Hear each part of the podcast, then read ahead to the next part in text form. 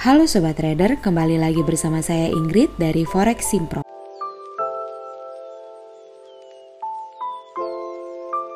Hari ini kita akan membahas mengenai trade balance atau neraca perdagangan.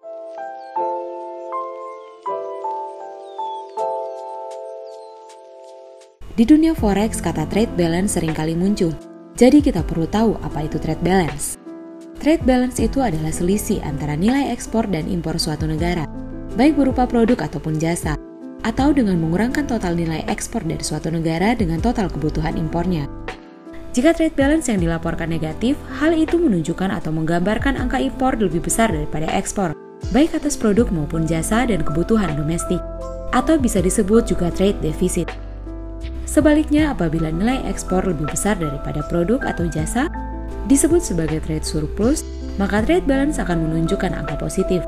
Kita perlu tahu juga faktor-faktor apa saja yang mempengaruhi trade balance. Pastinya suatu negara inginkan trade balance yang selalu positif. Artinya pertumbuhan ekonomi negara itu memang bagus atau sehat. Faktor-faktor itu di antaranya biaya produksi, biaya dan ketersediaan bahan mentah, pergerakan nilai mata uang negara pengekspor dan negara tujuan ekspor, kebijakan pajak atau pembatasan jual beli di lingkup multilateral, bilateral maupun unilateral, dan faktor lingkungan dan standar keselamatan kerja jadi Sobat Traders, sewaktu data ekonomi trade balance ini dirilis, jika terjadi surplus maka mata uang negara yang bersangkutan akan menguat. Dan apabila trade balance negatif maka mata uang negara yang bersangkutan akan melemah.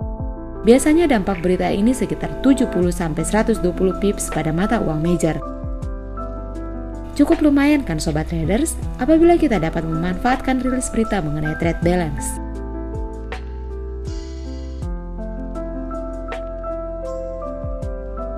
Sekian untuk informasi hari ini dari Forex Pro dan sampai jumpa di episode selanjutnya.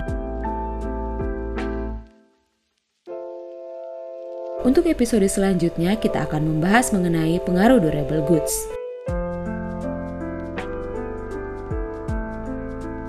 Forex Pro memberikan edukasi dan informasi forex untuk Anda, trade by yourself and safe trading.